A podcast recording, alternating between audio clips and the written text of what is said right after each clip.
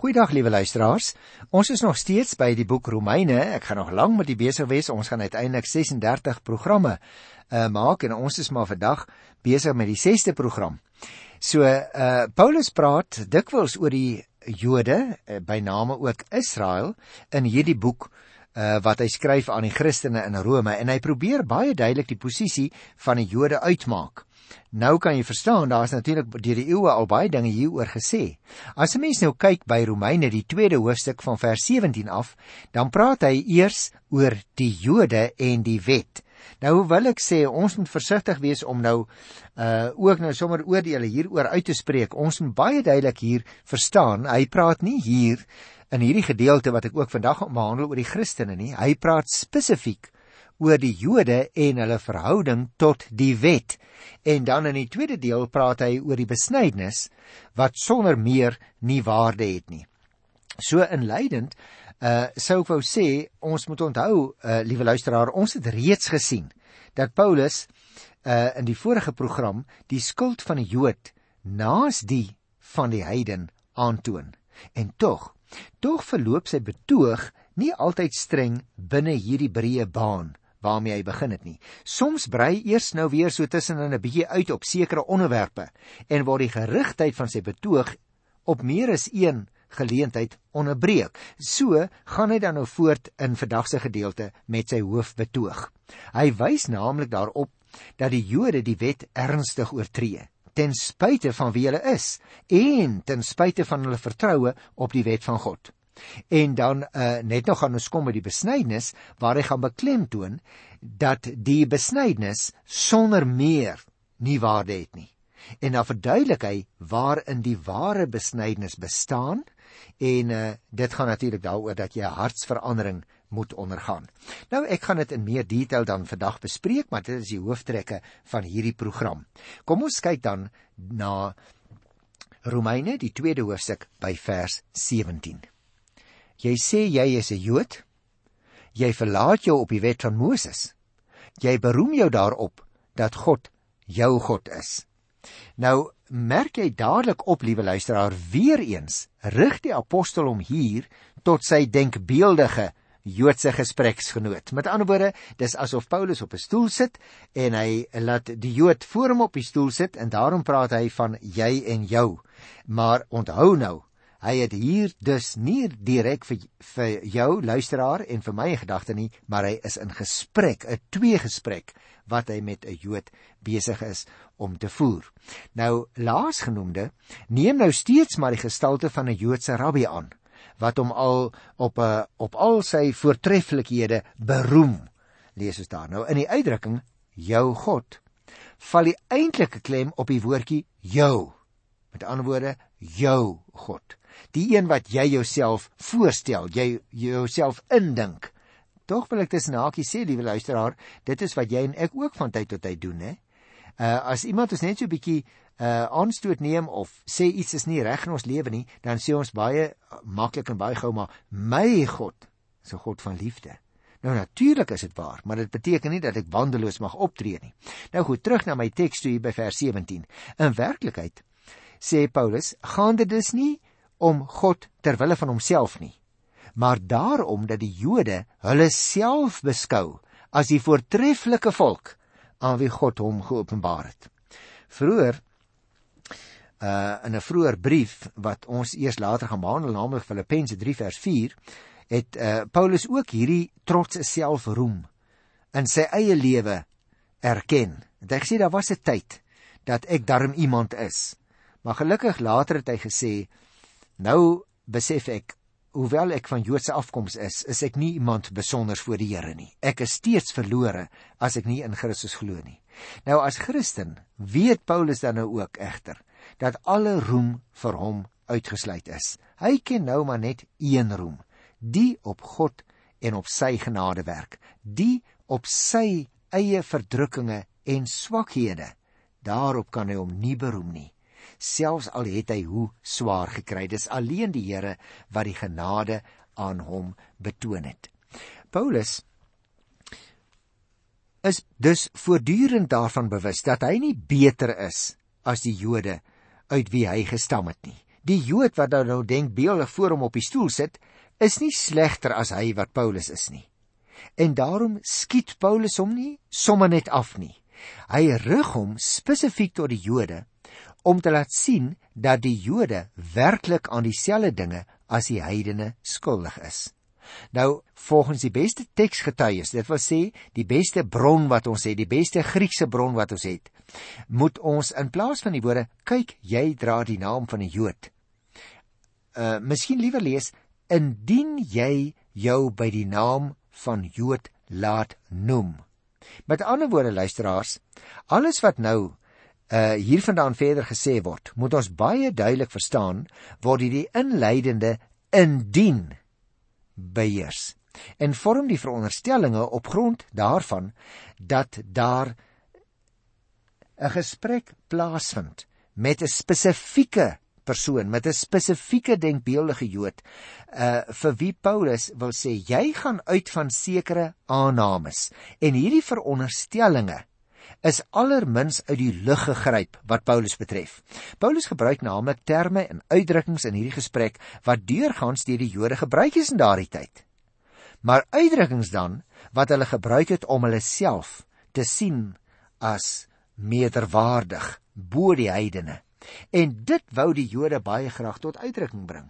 Jy sal onthou selfs in die tyd van die Nuwe Testament was dit nog so. Die Jode van Jerusalem het hulle baie belangriker beskou as die ou Joodjies daar agter in die omgewing van Galilea. Hulle wat hier in die omgewing van die tempel was, hulle was die eintlike ouens. Nou dit is teen so 'n soort houding dat die apostel nou hier baie duidelik uitspraak gee. Die naam Jood tussen hakies is afkomstig van Judeer En gevolglik is dit 'n aanduiding van afkoms of van nasionaliteit. Nou liewe luisteraar, ek dink ons uh verstaan hierdie ding daarom nou al baie goed dat die Here gee nie aan iemand voorkeur omdat hy van 'n spesifieke groep of stam of nasionaliteit kom nie. Vir die Here gaan dit nie om die aansien of die sosiale vlak of die afkoms of die kultuur nie. Dit gaan vir die Here oor 'n vrye aanbieding van sy genade aan enige persoon ten spyte van wie hy is of sy agtergrond. En daardeur is die uitverkore volk van die heidene onderskei. Die Jode het gesê, "Kyk, ons is op 'n baie spesifieke uh, blokkie deur die Here geplaas. Ons is baie beter as julle ander." Nou in plaas daarvan dat Israel sy onderskeid van ander volkere in diepe nederigheid aanvaar het as 'n onverdiende geskenk van die Here se genade, het Israel egter daarin 'n grond begin vind vir vleeslike roem en selfverheffing bo ander mense. En daardeur is 'n Godgegewe roeping, naamlik dat hulle tot seën moet wees vir ander, is dit verander in 'n stuk menslike trots. Die steun van die wet word 'n verlaat, dit word 'n beroep op die besit van die wet die leuen op die wet word vir hulle as dit ware 'n oorkussing. Hulle sê graag ons het die wet ontvang en daarom is ons nou iemand besonders. Die roem op God word 'n selfversekerde gespog met die feit dat Israel alleen God in aanhalingstekens besit. Die Jode het naamlik in Paulus se tyd so gesien dat ons is belangrik want ons behoort aan die Here. Hy het ons uitget kies Hy het ons sy volk gemaak. Ons besit hom dus in 'n sekere sin. Jy sien. En dit is 'n uh, baie gevaarlike ding vir uh, vir 'n Christen ook in ons tyd. Dat ek mag dink die Here het nou sy hand op my gelê. Ek is nou maar iemand besonders. Weet jy daar is niks wat uit myself kom wat my besonders maak nie. Dit is alleen die Here se genade en daarom is ons geroep tot sy getuies. Nou uh, ek gaan so 'n bietjie vir jou vertel uh wat gebeur hier in vers 28 tot 22 eers in die algemeen en dan gaan ek uh dit ook in groter detail bespreek. Uh partykeer sê mense dit gaan hier oor dinge wat onderskei moet word waarop dit werklik aankom en dit uh, is so omdat dit 'n baie geliefde uitdrukking was van die destyds uh Griekse filosowe. Ons moet onthou luisteraar, die Griekssprekende Jode het nou die uitdrukking oorgeneem om die dinge wat as wesenlik vir die Joodse godsdiens was dat hulle daardie dinge met die uitdrukking wou aandui. Aan die trotse Joodse leermeester word nou die kritieke vraag gestel hier voor Paulus op die stoel of hy sy eie lesse ter harte geneem het. Die antwoord hierop is klaarblyklik negatief en hierop word nou 'n hele aantal toetsvrae gestel deur die apostel, getoets aan die 8ste gebod byvoorbeeld in vers 21. Ek sal dit nou nou behandel. Maar ook getoets aan die 7de gebod. Daar in die eerste deel van vers 22 is hy klaarblyklik skuldig hierdie man wat hier op die stoel sit voor Paulus. Dit is nie heeltemal duidelik wat die uh, tempelroof wat 'n mens daar vermeld kry in die tweede gedeelte van vers 22 beteken nie. Dit kan dalk wees dat daar Jode was wat afgodsbeelde uh wat gemaak is uit kosbare metaal vir eie gewin uit heidense tempels gesteel het met die vroom verskoning dat hulle die afgodery bekamp. Jy sien? 'n Mens wil soms sê, "Ooh, hierdie sondige ding wil ek uit die gemeenskap wegkry." Maar jy moet oppas, dalk hou dit vir jouself bepaalde voordeel in. Dit moet gaan om die eer van die Here en nie jou eie voordeel nie. Andersins kan hierdie woorde miskien ook figuurlik bedoel gewees het in die sin dat die Jode op 'n een of ander manier, miskien onder dieselfde vroom voorwendsel, onbillike wins uit die heidene se tempelbedryf gemaak het. Maar nou ja, goed luisteraar, kom ons uh lees dan nou hierdie 18de vers en ek gaan dit lees tot by vers 22 uh ter wille van die verband. Jy ken die Here se wil en jy onderskei die dinge waar dit werklik op aankom, omdat jy deur die wet onderrig word. Jy is daarvan oortuig dat jy 'n gids vir die blindes is, 'n lig vir die wat in die duisternis is, 'n leermeester van die wat onkundig is, 'n onderwyser van die wat niks weet nie, omdat die wet vir jou die samevatting is van kennis en waarheid. Jy dan wat 'n ander leer, leer jy jouself? Jy wat preek dat 'n mens nie mag steel nie, steel jy nie?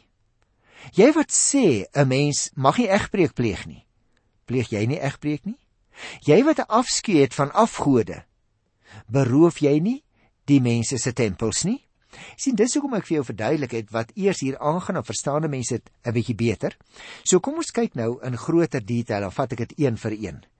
Jy ken die Here se wil en jy onderskei die dinge waar dit werklik op aankom, omdat jy deur die wet onderrig word.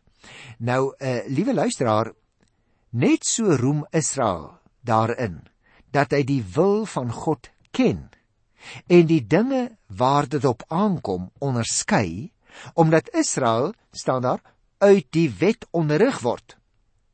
Die groot roem van die Jode was naamlik dat hulle die wet het waarin hulle van jongs af onderrig ontvang het, sodat hulle by elke situasie voorgegee het om presies te weet hoe om op te tree ten einde die dinge waarop dit dan nou aankom te kan doen. Nou dit is die probleem wat Paulus het met hierdie man wat voor hom denkbeeldig op die stoel sit.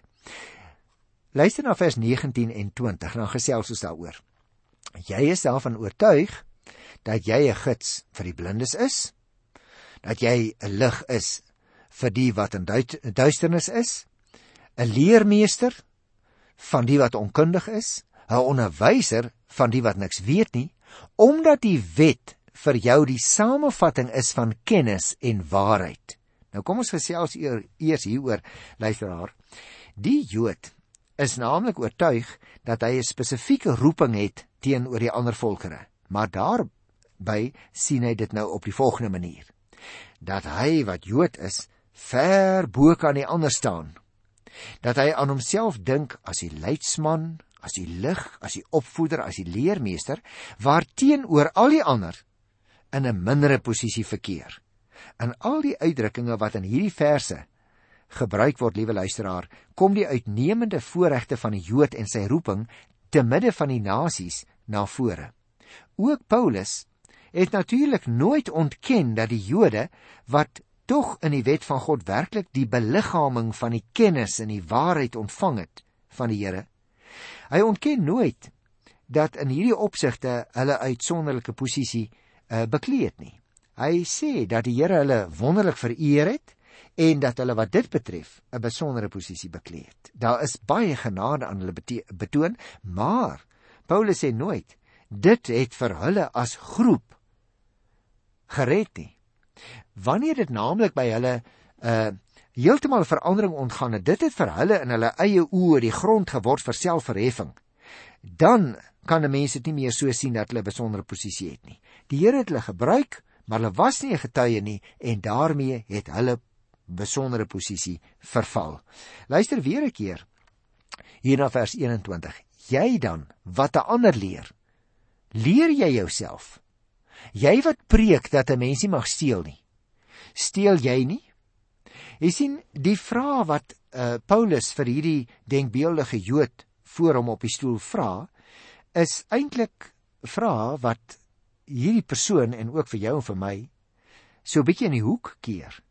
Jy sien, dit is 'n ontdekkende en 'n beskamende klompie vrae wat die kloof tussen die pretensie van die Jood en die werklikheid van sy lewe baie duidelik aan die lig bring. Die onopregtheid van die situasie bestaan daarin, wil Paulus na vore bring, dat daar 'n kloof is tussen die leer en die lewe van hierdie Jood. Tussen sy prediking en sy lewenspraktyk. 'n Mens dink natuurlik dadelik aan die beskuldigings van Christus teen die Fariseërs en die skrifgeleerdes wat ons in die Nuwe Testament lees. Ons het daarvan behandel dat hy vir hulle gesê julle is soos wit gepleisterde grafte. Julle gee voor om baie vroom te wees. Maar binne en buite tree julle op volgens 'n skyn. Jo broer en suster, is dit nie dalk van jou en van my ook waar nie? Dat ons die dinge ken, dat ons voorgee om baie vroom te wees maar hier binne-in is dit iets heeltemal anders. Tussen hakies Joodse geskrifte uit daardie tyd bevestig dat Paulus se vraag nie ongegrond was nie. Met ander woorde, uit die buitebybelse bronne wat uit daai tyd kom, uh, is dit duidelik dat die Jode maar anders gelewe het as wat die wet vir hulle gesê het en tog het hulle voorgegee om wetsgehoorsame mense te wees. Luister weer na vers 22. Jy wat sê 'n Mens mag nie egbreek pleeg nie. Pleeg jy nie egbreek nie? Jy wat 'n afskuw het van afgode, beroof jy nie hulle tempels nie? Nou hierdie uh, tempelroof, liewe luisteraar, hieronder moet ons uh, dalk dink aan die plundering van heidense heiligdomme soos ek net nou gesê het, met die oog op finansiële voordeel daarvan. Die ou gaan steel byvoorbeeld 'n uh, 'n uh, beeld uit 'n tempel. Hy's uh, en hy hy sê vir sy volksgenote, die ander Jode, ag nee wat, ek vat maar hierdie ding weg. Hy hoort nie in ons in ons land nie en in ons omgewing nie, maar dan geverkoop hy dit aan 'n heiden en hy maak hy wins. So daar's 'n skyn, maar hy's eintlik besig met tempelroof en nou het dit geen sin om te beweer dat 'n mens 'n afskuw van die afgode het as jy jou tog uit hulle verryk nie. Dit soos sou wees soos jy en ek as ons sê ons is Christene en nou begin ons skielik liewe luisteraars en ons verkoop nou Boeddha beelde. Ons behoort dit nie te doen nie want dan maak ons uit daardie afgodsdiens wins. Ons gaan haal wel nie die Boeddha beeld, ons steel hom nie in hulle tempel nie. Maar ons steel in 'n sekere sin hulle geld want ons maak van hulle misbruik deur voor te gee hier is 'n heilige voorwerp en dit is eintlik iets waaraan ons afskeid het ons verfoei dit eintlik en die apostel wil sê dit hoort nie so nie. Ek lees nou vers 23 en 24 jy wat jou op die wet beroem doen jy god nie oneer aan deur sy wet oortree nie? Inderdaad soos daar geskrywe staan as gevolg van julle optrede word die naam van God deur die heidene nasies belaster. Jy sien hier die vraag in vers 23: Jy wat jou op die wet van God beroem, doen jy nie God oneer aan deur sy wet te oortree nie? Nou hierdie vraag luisteraars vat eintlik al die voriges in die vorige verse saam en dit impliseer dat die Jood wat daar voor Paulus sit, 'n oortreder was van die wet van God. Dat hy God oneer aandoen deur sy optrede. Dit beteken egter dat die Jood in wese dieselfde sonde doen as die heidene nasies wat God ook van sy eer beroof. Onthou jy daar by vers 18 in die eerste hoofstuk het ek ook daarop uh, gewys dat die heidene wat 'n natuurlike godsbewussyn het, hulle dien die Here. Maar die eer wat die Here toekom, gee hulle eintlik aan die afgode en daarom beroof hulle ook die Here van sy eer. Die heidene met wie die Jode so fout gevind het, kritiseer nou op hulle beurt nie net die Jode nie, maar boonop ook die God van die Jode en dit nogal op grond van die heidene se lewe. So die Jode gee voor om baie vroom te wees, maar hulle is dit alles behalwe. Dit is dus in 'n sekere sin uh hierdie vers 23 en 24 'n samevatting van die voorafgaande verse wat ons met mekaar behandel het. Nou, liewe luisteraars, as ek dus uh 'n opsommingkie net moet gee van wat ons nou gedoen het uh hier van vers 17 tot 24 wat ek dink ons behoort raak te sien dan is dit dat dit in hierdie verse gaan daaroor dat Paulus besig is om baie op die man af baie direk vir Jode wat nog nie Christene geword het nie wil aantoon dat hulle die wet waarop hulle hulle beroem oortree en so doen hulle vir God oneer aan. Eers noem hy dan al daai sake wat ek met jou behandel het en dan sê hy vir hulle, maar uh my doel is eintlik nie om my mede Jode te verneder nie, maar om hulle te laat besef dat hulle met wet en al heeltemal verlore is. Hulle moet dieper begin kyk as die uiterlike dinge. Hulle moet met God se maatstaf meet. Nou hierdie woorde moet ook vir jou vir my by hernuwing laat besef vandag liewe luisteraar dat eers as mens soos die tollenaar in die Here Jesus se gelykenis werklik voor God gebreek het en uitroep o God wees my sondaar genadig daar in Lukas 18 vers 13 eers dan is jy gereed om God se verlossingsplan te aanvaar. Nie op jouself roem nie maar jouself oorgee. En daarom luisteraars hierdie laaste gedeelte wat dan oor die besnydenis handel wil ek graag 'n uittreksel lees en dan wil ek graag daaroor 'n paar opmerkingies maak. Hy begin by vers 25 deur te sê die besnydenis het waarde alleen as jy die wet van Moses onderhou. Maar as jy die wet voortdurend oortree, is jou besnydenis niks anders as 'n onbesnedenheid nie. As jy onbesnedene die voorskrifte van die wet onderhou, sal God dan nie sy onbesnedenheid as besnedenheid reken nie? Ja, Iemand wat kragtens sy afkoms 'n onbesnedene is, maar tog die wet onderhou, sal jou selfs veroordeel vir jou wat wetsvoorskrifte en besnydenis en al die wet oortree. Nie hy is 'n Jood wat dit uiterlik is nie. En nie dit is besneedheid wat uiterlik aan die liggaam gedoen is nie. Nee. Nee, hy is 'n Jood wat dit innerlik is en dit is besneedheid wat in die hart gedoen is deur die Gees, nie volgens die wetsvoorskrifte nie. So iemand ontvang lof, nie van mense nie, maar van God. Nou, ek dink dit is uh heel duidelik uh luisteraar wat die apostel hier bedoel. Hy sê as jy dan nou wat 'n Jood is, sê ons moet die wet onderhou, ons moet die besnydenis onderhou, maar in jou hart is alles verkeerd. Hy sê dan het daai goed mos nie waarde nie. Dan is jy mos nou besig om 'n spel te speel. Paulus is dus nog steeds besig met dieselfde saak wat hy net nou oor gepraat het, naamlik die wet. Vir die Jode het die woordjie besnedene sinoniem geword met Jood. Met ander woorde, as jy besny is, dan is jy 'n Jood. En daarom sê Paulus nou hier dat die besnedene wat nie aan die vereistes van die wet voldoen nie, net so goed 'n onbesnede kan wees. Hy is dus niks meer werd as Jood nie, want hy steur hom in die wet nie, hy steur hom in die besnydenis nie, maar hy doen nou maar die besnydenis omdat dit deel is van die godsdienstige handelinge, maar vir hom het dit geen inhoud meer nie. En hiermee, liewe luisteraar, is dit duidelik aangetoon dat iemand se afstamming en sy noukeurige onderhoudinge van uiterlike godsdienstige gebruike geen waarde het nie. Wat beteken dit vir jou vir my? Wie ons moenie net na die Jode die vinger wys nie, want God praat met elkeen van ons, met jou en met my hier agter die mikrofoon. Jy moenie dink dat jou eie afstamming of jou noukeurige onderhouding van sekere uiterlike godsdienstige gebruike wat in jou kerk as belangrik beskou word, jou 'n spesiale plek voor die Here sal gee nie. Besef dat jy regtig niks het om aan te bied nie. Eers dan is jy en ek gereed om dit wat God met sy evangelie gee te ontvang. Ek groet jou op hierdie uitnodiging in die wonderlike naam van die Here. Tot volgende keer. Totsiens.